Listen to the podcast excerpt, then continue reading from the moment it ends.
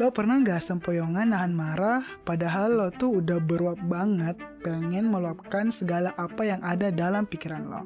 Akhirnya lo pendem, tapi saat memendam itu rasanya badan lo tuh gak enak banget. Lo jadi gak fokus dan merasakan gelisah terus menerus. Atau sebaliknya, lo pernah gak ke-trigger jadi marah dan akhirnya bablas lo luapin. Tapi setelah itu lo merasa menyesal kenapa bisa selepas kontrol itu. So lo malu sama kata-kata yang lo keluarin. Dan akhirnya lo bertanya-tanya, sebenarnya ekspresi itu baiknya ditahan atau diungkapin gak ya?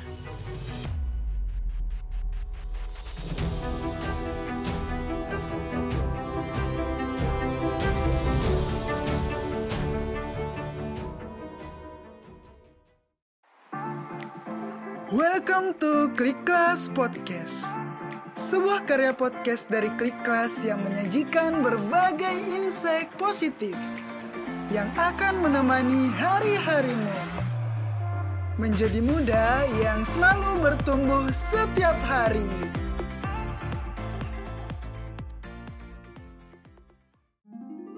Halo Clickers, Assalamualaikum warahmatullahi wabarakatuh. Kembali lagi bersama gue Ari di Klik Kelas Podcast. Gimana nih kabar lo hari ini? Gue gak bakal berhenti di setiap opening podcast buat nanyain kabar lo. Biar gue tahu lo semuanya baik-baik aja. Ya meskipun gue nggak dapat langsung jawabannya sih. Tapi gue bakal doain semoga lo baik-baik aja, semua urusan lo dimudahkan oleh Tuhan. Amin ya robbal alamin. Oke Clickers, kali ini ternyata udah episode ke-21 Clickers Podcast. Di episode kali ini gue bakal bahas tentang emosi. Apakah emosi itu baiknya ditahan atau diungkapkan? Nah, kira-kira bakal bahas kayak gimana ya? Sebelum lebih lanjut lo dengerin podcast ini, gue saranin buat lo pakai headset atau earphone ya, biar audionya terdengar lebih jelas lagi. Oke. Selamat mendengarkan.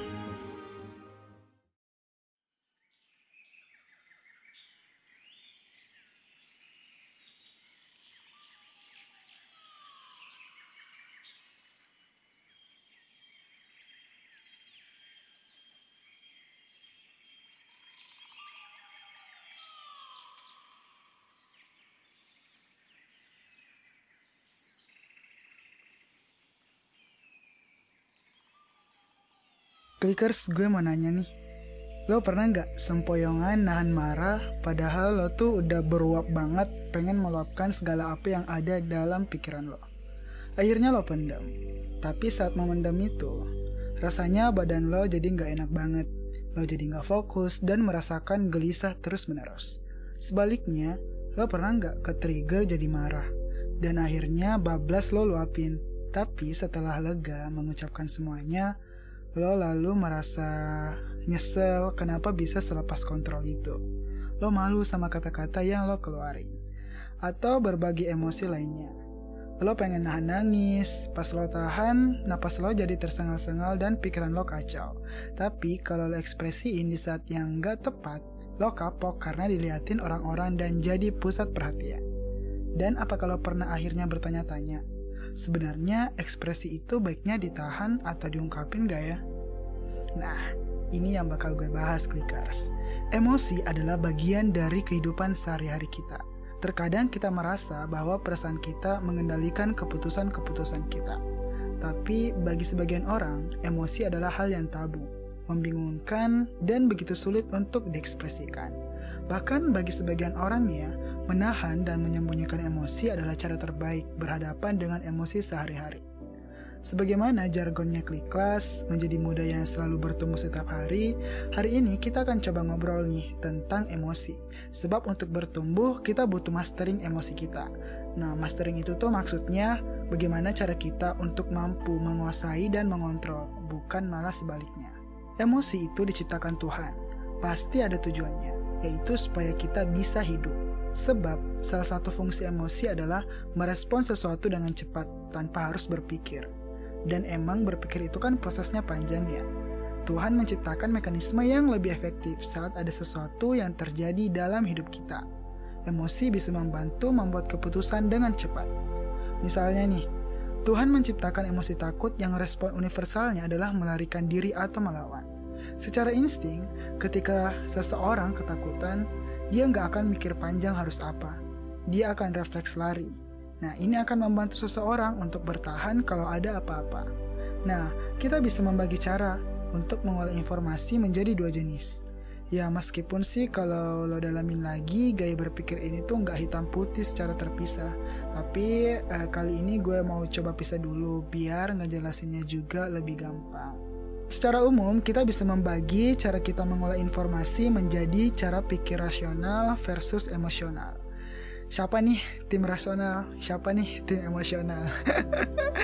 nah, kali ini gue akan fokus mengajak uh, kita semua berkenalan dengan respon emosional kita dulu. Menurut ilmuwan psikologi yang terkenal, Nesi, emosi itu punya tiga unsur penyusun. Pertama, respon fisiologis, kayak detak jantung yang naik atau turun. Respon psikologis uh, seperti dipengaruhi banyak hal yang berkaitan sama kondisi psikis kita dan perilaku yang bisa kita amati atau ketakutan jadi sebuah pelarian. Nah, ada lima ekspresi emosi yang universal. Jadi respon ekspresi mukanya itu hampir sama di setiap negara, yaitu emosi bahagia atau happy, senang atau enjoyment, marah, takut, dan jijik. Jadi bohong banget tuh kalau emosi itu bisa dipendam sempurna pasti bisa terlihat kok perubahan emosinya. Entah lo lihat dari respon fisiologisnya, misalnya napasnya jadi lebih nggak teratur, pupil mata membesar atau mengecil. Bahkan ada juga perilaku yang nampak dalam merespon emosi tersebut. Misal kalau gelisah jadi suka ngecek sesuatu atau perilaku lainnya. Terus muncul pertanyaan nih, lalu gimana dong cara memahami emosi kita sendiri? Nah, uh, ada beberapa cara sih yang bisa kita lakuin. Yang pertama, belajar macam-macam emosi. Cara pertama untuk lebih memahami emosi diri kita, ya belajar. Iya dong, kalau mau tahu sesuatu, ya pastinya kita harus belajar dulu. lo mungkin sering mempelajari sesuatu, tapi mungkin lo belum nyoba nih mempelajari apa-apa yang ada di tubuh dan diri lo. Belajar untuk mengidentifikasi hubungan antara kejadian-kejadian yang lo alami dan efeknya terhadap perasaan lo. Dengan memahami varian emosi ini, lo akan lebih mudah mendiagnosa emosi lo. Sehingga pas lo ngerasa galau, lo akan bisa dengan tepat menjelaskan. Sebenarnya lo tuh lagi merasakan apa. Bukan cuma sekedar gak tau ah gue gak mood gitu. Tapi lo bisa menjelaskan apa sih sebenarnya yang lo rasain gitu. Emosi sebenarnya terhubung sama perilaku yang lo lakuin. Gak mungkin ya kita tuh melakukan sesuatu bener-bener pakai logika aja. Pasti ada pengaruh emosi dalam keseharian dan aktivitas terkecil kita. Misalnya, lo lagi galau dan gak yakin nih apa yang lo rasain. Sebenarnya lo bisa menentukan apa yang lo rasa dari apa yang lo lakukan. Misalnya lo merasa ingin cepat selesai berbicara dengan seseorang. Bisa jadi apa yang lo rasain adalah emosi terancam, gelisah, gak nyaman, atau bahkan ketakutan. Mempelajari perilaku kita dan paham betul apa yang kita rasain ini akan sangat berhubungan dengan kemampuan kita untuk menghandle, menghindari kejadian apa yang membuat kita resah. Kedua, pahami kalau lo sedang pakai cara berpikir yang emosional. Karena emosi adalah anugerah yang dikasih ke manusia untuk digunakannya, terutama pada saat-saat mendesak. Emosi ini punya kebiasaan buruk, yaitu membuat lo mudah memutuskan tanpa pertimbangan yang matang. Tapi di sini gue akan ngasih beberapa tips untuk mendiagnosa kalau lo tuh lagi super gak rasional dan keputusan yang lo ambil bisa jadi kurang tepat. Pertama, gampang loncat ke kesimpulan. Suka menyimpulkan tanpa informasi yang cukup. Ayo, kliker, siapa nih yang sering kayak gini? Baru informasi di awal, udah nentuin kesimpulan aja. Kedua, berpikir hitam putih. Ini udah sering banget gue singgung di podcast-podcast sebelumnya kalau lo udah mulai melihat dunia ini cuma dua opsi, artinya lo lagi di hijack sama pikiran emosional lo. Ketiga, mulai paranoid. Lo mulai ketakutan yang gak bisa dijelaskan dan gak masuk akal. Intinya, pikiran emosional itu lahir dari insting kita bertahan hidup. Sehingga dia akan melahirkan respon yang cepat. Keba kebalikan sama berpikir rasional, yang cenderung tuh membutuhkan waktu lebih lama dalam mengelola emosi, menyimpulkan keputusan sambil mengambil keputusan. So, kalau ada tanda-tanda kita langsung menyimpulkan sesuatu tanpa informasi yang cukup, artinya kita lagi pakai emotional thinking. Paham kan ya clickers uh, sampai sejauh ini? Oke, kita lanjut. Ketiga, belajar membicarakan apa yang lo rasain. Cara untuk mengenal emosi kita salah satunya adalah mempelajarinya sambil menyampaikan ke orang lain. Belajar untuk menjelaskan ke orang lain apa yang kita rasakan sangat bermanfaat untuk kita menerima feedback dari emosi kita. Belajar melihat dari sudut pandang orang lain dan mengurangi stres yang lo rasain. Soalnya ya ngobrol itu tuh membuat kita jadi punya pandangan yang lebih luas soal emosi kita. Juga membantu kita mengevaluasi apa yang kita rasain. Bisa juga ngebantu kita untuk berpikir lebih logis dan menormalkan emosi yang sedang bergejolak. Belajar menyampaikan apa yang lo rasain akan membantu lo mengeksplor lebih dalam apa penyebab dari apa yang lo rasain. Keempat, refleksi dan appraisal. Mengambil jarak sejenak dari apa yang lo lakuin dan pikirkan. Refleksikan. Apakah tindakan lo itu berdasarkan logika atau emosi? Sebagaimana pertanyaan gue tadi di awal, emosi itu baiknya diekspresikan atau dipendam gak ya? Daniel Goleman, ilmuwan psikologi yang mempopulerkan istilah kecerdasan emosi merumuskan beberapa hal yang membuat orang punya kecerdasan emosi. Beberapa aspek kecerdasan emosi itu ketika lo mampu mengenali emosi lo sendiri dan mengekspresikannya dengan baik. Udah banyak banget ya penelitian yang menunjukkan mengekspresikan emosi dengan tepat punya efek positif dalam banyak aspek hidup lo. Misalnya lo jadi lebih sehat, jadi lebih rileks, happy, percaya diri, dan lain sebagainya. Salah satu penelitian membuktikan bahwa menekan dan menyembunyikan emosi negatif akan meningkatkan stres. Sementara itu, menyalurkan emosi negatif ke wadah yang tepat meningkatkan perasaan kita menjadi lebih bahagia dan orang yang ekspresif secara emosi ditemukan hidup lebih lama dan lebih sehat. Ayo. Jadi kalau teman-teman ada hal yang ingin diungkapkan, ya udah diungkapin aja nggak usah malu-malu ya. Oke, okay. um, tapi pertanyaan selanjutnya kayak gini nih gimana sih cara mengekspresikan emosi dengan baik? Nah kan kalau sekedar mengekspresikan doang tanpa harus tahu ini baik atau buruk kan uh, jadi blunder ya ke diri sendiri. Nah selanjutnya nih gue mau jelasin nih gimana sih caranya biar kita bisa mengekspresikan emosi kita dengan baik. Goleman juga menjelaskan, orang yang punya kecerdasan emosional, dia bisa mengenali emosinya dan bisa mengekspresikan emosinya dengan cara yang tepat sesuai situasi dan konteks. Artinya, orang itu bisa menyampaikan emosinya, termasuk dengan cara yang bisa diterima masyarakat setempat. Kalau lo tinggal di Indonesia, secara umum menyampaikan perasaan secara langsung adalah bukan cara yang banyak diterima.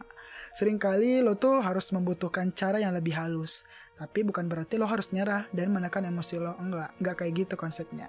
Temukan caranya agar tetap bisa menyampaikan apa perasaan lo, tapi dengan cara yang diterima. Pada kultur Jawa, orang-orang yang memegang nilai budaya Jawa jika ditanya apa kabar, jawaban yang cenderung muncul adalah baik-baik saja dan tidak terbiasa menunjukkan apa sebenarnya yang dirasakan. Tapi pas ada acara, tapi pasti ada cara untuk membicarakan apa yang lo rasakan dengan baik. Gak cuma di Jawa sih sebenarnya clickers, tapi pada banyak budaya, menunjukkan emosi adalah hal yang kurang pantas. So, ada beberapa kultur yang membuat masyarakatnya tuh hanya menunjukkan emosi-emosi yang positif saja. Tapi ini bukan jadi halangan ya untuk mengatakan apa yang lo benar-benar pikirkan. Cara menyampaikan adalah kunci yang utama di bagian ini. Gue tahu pada budaya kita atau sebagian besar dari kita menjadi ekspresif dengan emosi-emosi kita adalah hal yang sangat sulit. Contohnya aja, seberapa sering sih lo ngomong sayang sama orang tua lo? Atau sebaliknya, Seberapa sering orang tua lo menyampaikan rasa sayangnya secara lisan? Pasti jarang banget. Tapi sekali lagi, find the why. Emosi lo itu nggak perlu lo pendam. Oke, okay, clickers. Sebenarnya nggak ada rumus yang tepat ya untuk mengenal emosi yang kita miliki. Satu strategi bisa berhasil di diri gue, tapi bisa jadi nggak berhasil di diri lo. Sehingga gue selalu mengatakan di berbagai kesempatan, untuk terus bertumbuh, kita perlu terus belajar, termasuk belajar memahami emosi sendiri. Gue juga kembali menggarisbawahi, setiap emosi yang dihadirkan Tuhan ke dalam diri kita pasti ada tujuannya. Each emotion has value. Tapi ada waktu kapan setiap emosi itu muncul. Ada waktu yang tepat untuk marah, tapi ada juga waktu yang gak tepat. Dengan mengenal emosi yang lo rasain, gue harap lo semakin bisa mengontrol emosi lo sendiri. Mengontrol emosi salah satu bentuknya adalah dengan menempatkan emosi itu sesuai dengan situasi dan konteksnya. Siapa bilang lo nggak boleh marah? tapi marahnya harus diolah sedemikian rupa supaya sesuai dengan waktu dan tempat. Gue tahu sih, belajar mengenal emosi dan mengekspresikannya dengan cara yang tepat adalah pekerjaan yang gak mudah. Lakuin satu-satu aja dulu. Misal dimulai dari menahan emosi lo terlebih dahulu. Sementara kalau sudah siap, lo bisa berlatih masuk ke cara mengekspresikan emosi dengan tepat. Clickers, kecerdasan emosi sekali lagi bukan artinya lo harus memandang emosi sama sekali dan hanya menunjukkan emosi positif aja. Tapi kecerdasan emosi adalah kondisi di mana lo bisa memahami emosi lo sendiri dan menyampaikannya dengan baik sesuai dengan norma yang diterima di masyarakat. Semoga dengan berlatih mengenali dan mengendalikan emosi bisa membuat kita menjadi muda yang selalu bertumbuh setiap hari. Oke, gimana clickers? Sudah siap belum menyelam lebih ke dalam diri lo dan mempelajari emosi lo? Sudah siap juga nggak untuk berlatih mengekspresikan emosi lo dengan tepat? Gue yakin lo bakal siap. Nanti kita belajar bareng-bareng lagi ya. Cukup sekian dari gue. Thanks banget buat lo yang mau dengerin sampai beres. Gue lagi butuh banget nih feedback lo tentang Klik Kelas Podcast ini lo bisa langsung berkunjung di Instagram at klik.class. Di sana banyak juga insight positif lainnya. Sekali lagi, gue Ari. Sekian dan terima kasih. Semangat menjadi muda yang selalu bertumbuh setiap hari.